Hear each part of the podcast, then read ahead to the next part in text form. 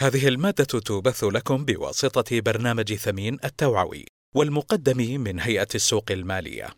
يهدف البرنامج إلى رفع مستوى الثقافة المالية والاستثمارية، حيث يقوم بتقديم رسائله التوعوية عن طريق الكتيبات والفيديوهات والمنشورات المنوعة، بالإضافة إلى اللقاءات وورش العمل.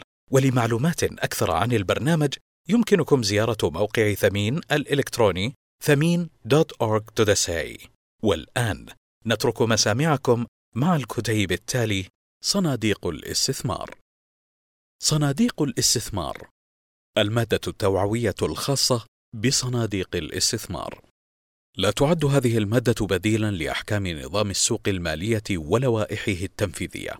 وعند وجود أي تعارض بين ما ورد في هذا الدليل وأحكام نظام السوق المالية ولوائحه التنفيذية تكون المرجعية للنظام ولوائحه التنفيذية ولما كانت اللوائح التنفيذية الصادرة عن الهيئة تخضع للتحديث المستمر فإنه يجب الاعتماد دائما على اللوائح المنشورة في الموقع الإلكتروني للهيئة.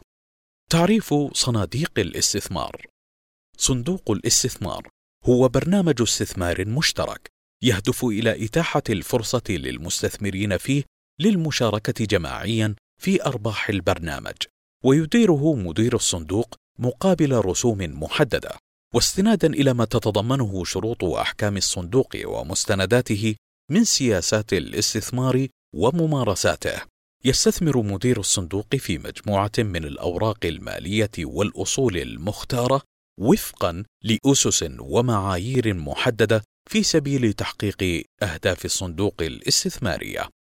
أهداف صناديق الاستثمار. بشكل عام يمكن تصنيف أهداف الصناديق الاستثمارية العامة والخاصة إلى ما يلي: واحد صندوق دخل. صندوق هدفه الأساسي الاستثمار في أصول لها سجل متميز من التوزيعات النقدية. اثنان صندوق نمو. صندوق هدفه الأساسي الاستثمار في أصول متوقع أن ترتفع قيمتها السوقية خلال فترة الاستثمار بها، إذ يعتمد الصندوق في أدائه اعتمادا رئيسا على تحقيق الأرباح الرأسمالية، ولا يعد دخل التوزيعات عاملا مهما. ثلاثة صندوق متوازن صندوق يحقق أهدافه الاستثمارية بالجمع بين تنمية رأس المال وتحقيق الدخل. أنواع الصناديق من حيث الطرح يوجد نوعان من الصناديق الاستثمارية العامة والخاصة. واحد صندوق استثماري مفتوح صندوق استثمار ذو رأس مال متغير تزداد وحداته بطرح وحدات جديدة أو تنقص باسترداد مالكي الوحدات لبعض وحداتهم أو كلها ويحق لمالكي الوحدات في هذا الصندوق استرداد قيم وحداتهم فيه وفقا لصافي قيمتها في أيام التعامل الموضحة في شروط الصندوق وأحكامه ومذكرة معلومات الصندوق العام وفقا للائحة صناديق الاستثمار. ومن ذلك على سبيل المثال وليس الحصر صناديق الأسهم وصناديق أسواق النقد وصناديق أدوات الدين. اثنان صندوق استثماري مغلق. مقفل. أي صندوق استثماري لا يكون صندوق استثمار مفتوح بل يكون غالبا ذا رأس مال محدد ولا يسمح فيه باسترداد الوحدات إلا عند نهاية مدة الصندوق المفصح عنها في شروط وأحكام الصندوق أو عند بيع الوحدات لمستثمرين آخرين. ويجوز لصناديق الاستثمار المغلقة زيادة رأس مالها بالدعوة إلى الاشتراك في الصندوق إذا كانت شروط وأحكام الصندوق تجيز ذلك. ومن ذلك على سبيل المثال لا الحصر. صناديق الاستثمار العقارية وصناديق حماية رأس المال. أنواع الصناديق من حيث الطرح. واحد صندوق عام. هو صندوق استثمار مؤسس في المملكة ويمكن طرح وحداته من قبل مدير الصندوق على مستثمرين في المملكة وفقا لأحكام الباب الرابع من لائحة صناديق الاستثمار بأي طريقة غير الطرح الخاص. اثنان صندوق خاص هو صندوق استثمار مؤسس في المملكة وليس صندوقا عاما ويمكن طرح وحداته على مستثمرين في المملكة وفقا لأحكام الباب الخامس من لائحة صناديق الاستثمار. ثلاثة: صندوق أجنبي هو صندوق استثمار مؤسس خارج المملكة تطرح وحداته طرحا خاصا على مستثمرين في المملكة وفقا لأحكام الباب السادس من لائحة صناديق الاستثمار. تصنيفات الصناديق من حيث طبيعة الأصول المكونة لها. تصنف الصناديق من حيث طبيعة الأصول المكونة لمحافظها الاستثمارية إلى: واحد: صناديق الأسهم هي صناديق تستثمر بصفة رئيسة في أسهم الشركات المدرجة في الأسواق المالية، سواء أكانت محلية أم دولية أم إقليمية. اثنان: صناديق أسواق النقد صندوق استثمار يتمثل هدفه الوحيد في الاستثمار في الأوراق المالية قصيرة الأجل وصفقات سوق النقد وفقا للائحة صناديق الاستثمار. ثلاثة: صناديق أدوات الدين هي صناديق تستثمر في أدوات الدين مثل الصكوك والسندات التي تصدرها الشركات والجهات الحكومية وشبه الحكومية أو أي جهة أخرى يحق لها إصدار أي نوع من أدوات الدين. أربعة: الصناديق المتعددة الأصول هي صناديق تستثمر في عدة أنواع من الأصول مثل الأسهم والسندات والصكوك وصفقات أسواق النقد ووحدات الصناديق الاستثمارية الأخرى. خمسة: الصناديق القابضة هي صناديق استثمارية هدفها الاستثماري الرئيس استثمار جميع أصولها في الصناديق الاستثمارية الأخرى. ستة: الصناديق المغذية صناديق استثمار هدفها الاستثماري الرئيس استثمار جميع أصولها في صندوق استثمار آخر. سبعة: الصناديق المتوازنة هي صناديق استثمارية تجمع في أصولها بين الأسهم والسندات وتخصص جزءا من استثماراتها للأدوات المالية قصيرة الأجل.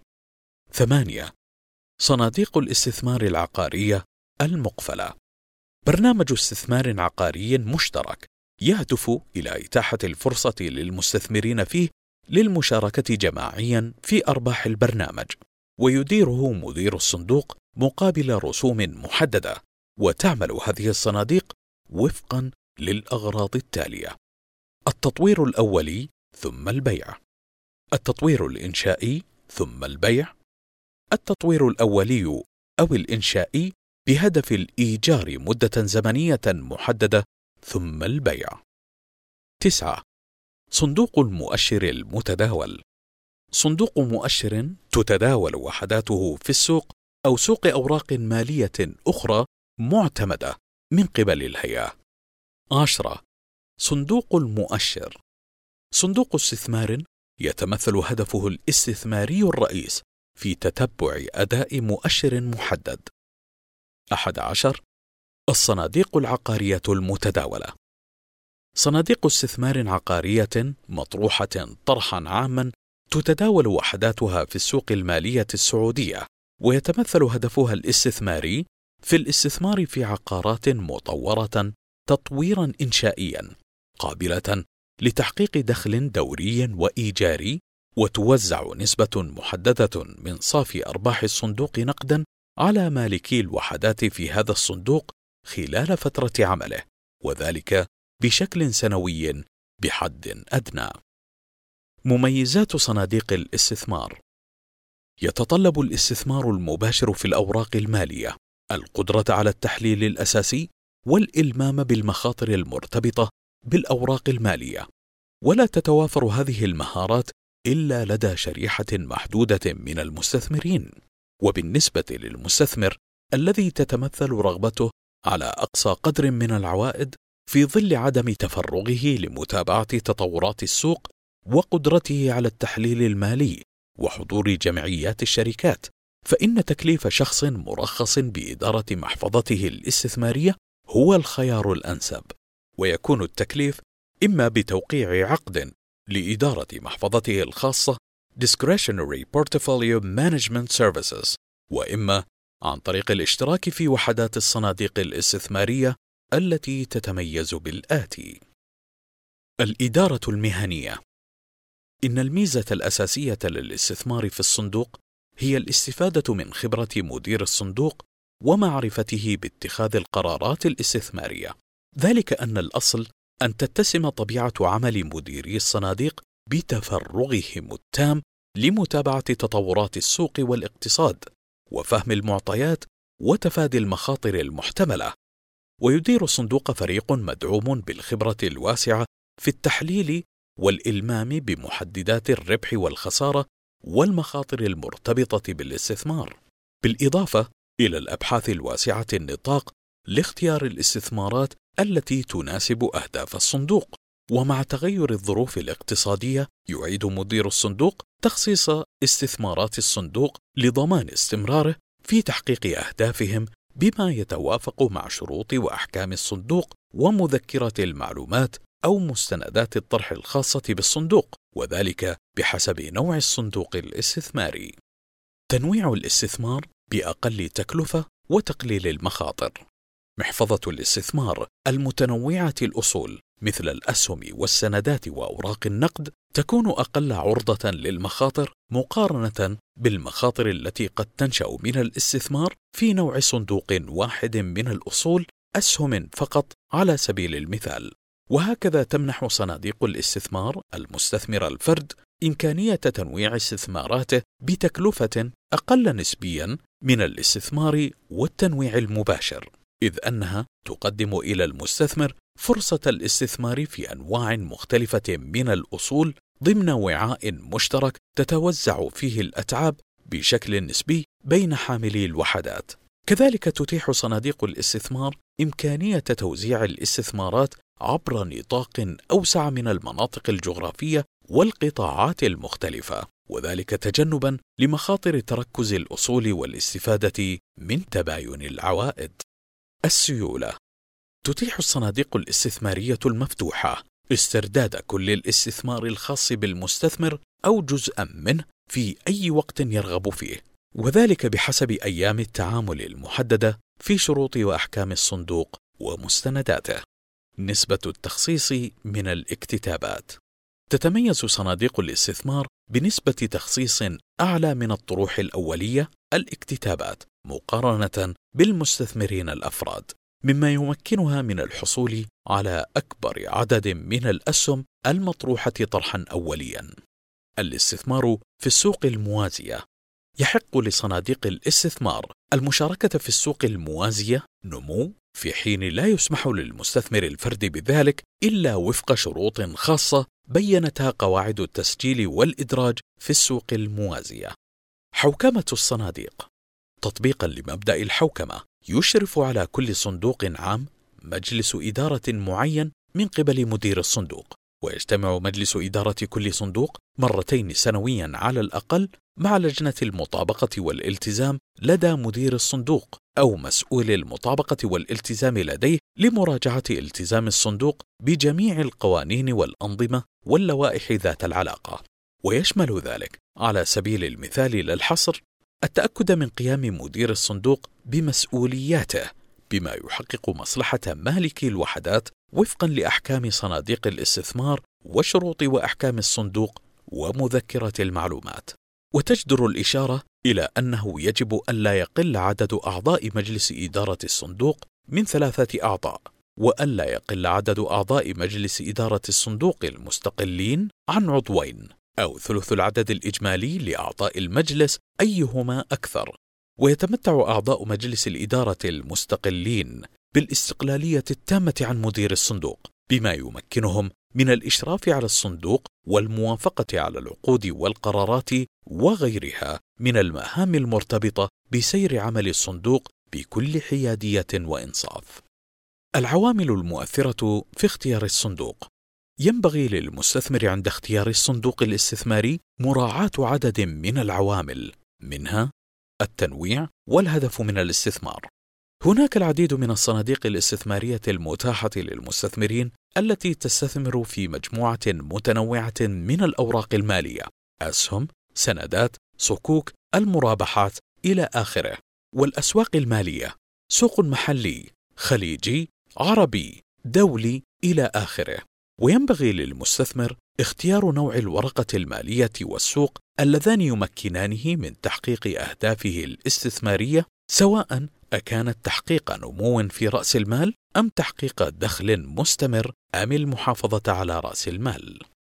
مرونة الاشتراك والاسترداد تتيح صناديق الاستثمار المفتوحة للمستثمرين إمكانية الاشتراك والاسترداد بشكل دوري، يومي، أسبوعي، شهري، بحسب شروط وأحكام كل صندوق، في حين لا تتيح الصناديق المغلقة للمستثمرين تلك الميزة، بل يفترض أن يحتفظ المستثمر باستثماراته في الصندوق حتى نهاية مدته المذكورة في شروط وأحكام الصندوق.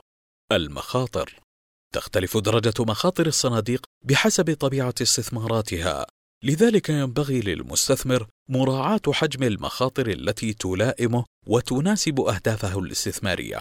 والاطلاع على المخاطر المذكورة في شروط وأحكام الصندوق أو مذكرة المعلومات أو ملخص المعلومات الرئيسة بحسب نوع الصندوق بالإضافة إلى الرجوع إلى مستشاره قبل الاستثمار. الأتعاب يتطلب تشغيل صناديق الاستثمار وإدارتها دفع مجموعة من مصاريف الاستثمار وإدارتها دفع مجموعة من المصاريف إما لمدير الصندوق وإما لأطراف أخرى وذلك بحسب ما تتضمنه شروط وأحكام الصندوق ومستنداته. وتتضمن شروط وأحكام الصندوق بيانا بجميع المدفوعات من أصول الصندوق وطريقة احتسابها وتوقيت دفعها. وبيانا بتفاصيل مقابل الصفقات المفروضة على الاشتراك والاسترداد ونقل الملكية بالإضافة إلى بيان أي ترتيبات عمولة خاصة يبرمها مدير الصندوق. وبطبيعة الحال تؤثر هذه المصاريف في معدل العائد المحقق. لذا ينصح المستثمر بالاطلاع على الرسوم ومقابل الخدمات والعمولات واتعاب الإدارة في الشروط وأحكام الصندوق ومستنداته مع الاطلاع على نسبة الأتعاب الإجمالية للسنة المعنية إلى متوسط صافي قيمة اصول الصندوق العام وذلك ضمن التقرير السنوي. كيف تكون ملما بصناديق الاستثمار. هناك العديد من المعلومات المتوافرة عن صناديق الاستثمار وهي متاحة في كل من موقع هيئة السوق المالية وموقع شركة السوق المالية السعودية. تداول والمواقع الإلكترونية لمديري الصناديق وبإمكان مالكي الوحدات ومالكي الوحدات المحتملين الاطلاع على نسخة محدثة من شروط وأحكام الصندوق ومستنداته للصناديق العامة. والتي وافقت الهيئة على تأسيسها وطرح وحداتها في كل من الموقع الإلكتروني لمدير الصندوق والموقع الإلكتروني لشركة السوق المالية تداول. أيضا بإمكان مالكي الوحدات الاطلاع على العديد من الإفصاحات المتعلقة بالصناديق العامة في الموقع الإلكتروني لمدير الصندوق وكذلك الموقع الإلكتروني وكذلك الموقع الإلكتروني لشركة السوق المالية السعودية تداول. ومنها أسعار وحدات الصناديق وأدائها. التقارير. يجب على مدير الصندوق تزويد مالكي الوحدات بتقارير دورية سنوية أو أولية. وتستخدم تقارير الصندوق لتوفير المعلومات ذات العلاقة بشكل دوري عن صندوق الاستثمار لتمكن مالكي الوحدات من تقويم أدائه. وتنقسم التقارير إلى ما يلي. التقارير السنوية. تتضمن القوائم المالية السنوية المراجعة وتشتمل على سبيل المثال للحصر على معلومات عن أداء الصندوق ومقابل الخدمات والعمولات والأتعاب التي تحملها صندوق الاستثمار على مدار العام بالإضافة إلى الإفصاح عن أي تغييرات جوهرية حدثت خلال الفترة وأثرت في أداء الصندوق. التقارير الأولية تتضمن القوائم المالية الأولية المفحوصة وتشتمل على سبيل المثال لا الحصر على تقرير عن أداء صندوق الاستثمار خلال الفترة وتفاصيل أي تغيرات حدثت على شروط وأحكام الصندوق ومذكرة المعلومات بالنسبة إلى الصندوق العام أو مستندات الصندوق بالنسبة إلى الصندوق الخاص خلال الفترة. الإعلان في الموقع الإلكتروني للسوق أو الموقع الإلكتروني لمدير الصندوق عن أي أحداث أو تغييرات متعلقة بالصندوق ومن ذلك على سبيل المثال للحصر إعلان توزيع أرباح الصندوق العام على مالكي الوحدات وإعلان الدعوة لاجتماع مالكي وحدات الصندوق العام. في نهاية كل ربع سنة يفصح عن المعلومات الآتية على الأقل وذلك فيما يتعلق بالصندوق العام. واحد قائمة بأسماء ونسب المصدرين الذين تشكل أسهمهم أكبر عشرة استثمارات في محفظة الصندوق كما هي في أول يوم من الربع المعني. اثنان نسبة الأتعاب الإجمالية للربع المعني إلى متوسط صافي قيمة أصول الصندوق. ثلاثة مبالغ الأرباح الموزعة في الربع المعني ونسبتها إلى السعر الأولي للوحدة إن وجدت. أربعة قيمة ونسبة استثمار مدير الصندوق من صافي قيمة أصول الصندوق في نهاية الربع المعني. خمسة مبلغ ونسبة مصاريف التعامل للربع المعني إلى متوسط قيمة صافي أصول الصندوق العام. 6. معايير قياس المخاطر ومؤشراته. 7. معايير أداء الصندوق ومؤشراته. 8. نسبة الاقتراض من قيمة صافي أصول الصندوق في نهاية الربع المعني. وبالإضافة إلى ما ذكر من إفصاحات تشمل مالكي الوحدات المحتملين ومالكي الوحدات الحاليين يزود مدير الصندوق مالكي الوحدات الحاليين بالبيانات التالية واحد صافي قيمة أصول الوحدات التي يمتلكها مالك الوحدات وسجل صفقاته في وحدات الصندوق العام خلال 15 يوما من كل صفقة في وحدات الصندوق العام يقوم بها مالك الوحدات. اثنان بيان قوي يلخص صفقات مالك الوحدات في وحدات الصندوق العام على مدار السنة المالية خلال ثلاثين يوما من نهاية السنة المالية ويتضمن البيان السنوي الأرباح الموزعة وإجمالية مقابل الخدمات والمصاريف والأتعاب المخصومة من مالك الوحدات بالإضافة إلى تفاصيل لجميع مخالفات قيود الاستثمار. محتويات المستندات الخاصة بالصندوق يلتزم مدير الصندوق بتوفير المستندات الخاصة بكل صندوق، وهي تحتوي على معلومات تفصيلية تساعد المستثمر على اختيار الصندوق الذي يحقق أهدافه الاستثمارية، وتشتمل مستندات الصندوق على كل من: واحد: شروط وأحكام الصندوق. تتضمن شروط وأحكام الصندوق العام الأسس الذي سيدخل مالكو الوحدات المحتملون بناء عليها في علاقات تعاقدية مع مدير الصندوق فيما يتعلق بالاستثمار المطروح عليهم. وتوضح شروط وأحكام الصندوق على سبيل المثال للحصر أهداف الصندوق ومدته وعملته ومقابل الخدمات والعمولات والأتعاب بالإضافة إلى سياسة التوزيع حيثما ينطبق. اثنان مذكرة المعلومات تتضمن مذكرة المعلومات جميع المعلومات الضرورية لتمكين مالكي الوحدات المحتملين من اتخاذ قرار مدروس ومبني على معلومات كافية بخصوص الاستثمار المطروح عليهم وتحتوي على سبيل المثال للحصر على سياسات الاستثمار وممارساته والمخاطر الرئيسة للاستثمار في الصندوق والتقويم والتسعير بالإضافة إلى بند معلومات عامة يتضمن على سبيل المثال للحصر توضيح الفئة المستهدفة للاستثمار وبيان يتعلق بسياسة توزيع الأرباح وبيان يوضح الأداء السابق للصندوق مع المقارنة بأداء المؤشر الاسترشادي على مدار السنوات الخمس الماضية أو منذ التأسيس حيثما ينطبق. ثلاثة. ملخص المعلومات الرئيسة. يتضمن ملخص المعلومات الرئيسة المعلومات المتعلقة بخصائص صندوق الاستثمار لمساعدة مالكي الوحدات ومالكي الوحدات المحتملين على فهم طبيعة صندوق الاستثمار والمخاطر المرتبطة بالاستثمار فيه بشكل معقول لتمكينهم من اتخاذ قرار استثماري مدروس ومبني على معلومات كافية. ويتضمن الملخص على سبيل المثال لا الحصر المعلومات الرئيسية حول صندوق الاستثمار والمخاطر المرتبطة بالاستثمار بالإضافة إلى البيانات السابقة المتعلقة بأداء صندوق الاستثمار وفقا لما ورد في مذكرة المعلومات. توضيح آليات الاشتراكات والاستردادات في صناديق الاستثمار العامة. قبل أن يباشر المستثمر عمليات الاشتراك في صندوق استثمار، ينصح أولاً بأن يحدد أهدافه الاستثمارية، ثم يختار صندوقا استثماريا يناسب أهدافه، وبعد ذلك يفتح حسابا استثماريا لدى الشركة المالية المصدرة لوحدات الصندوق. يتلو ذلك قراءة شروط وأحكام الصندوق ومذكرة المعلومات للصندوق العام، ومن ثم يكمل النماذج المتعلقة بالاشتراك أو الاسترداد. وفيما يأتي بعض الجوانب التي يفترض بالمستثمرين مراعاتها أثناء إكمال طلب الاشتراك أو الاسترداد. رسوم الاشتراك والاسترداد تختلف من صندوق لآخر. بعض الصناديق تفرض رسوما في حالة الاسترداد المبكر خلال شهر من تاريخ الاشتراك في الصندوق.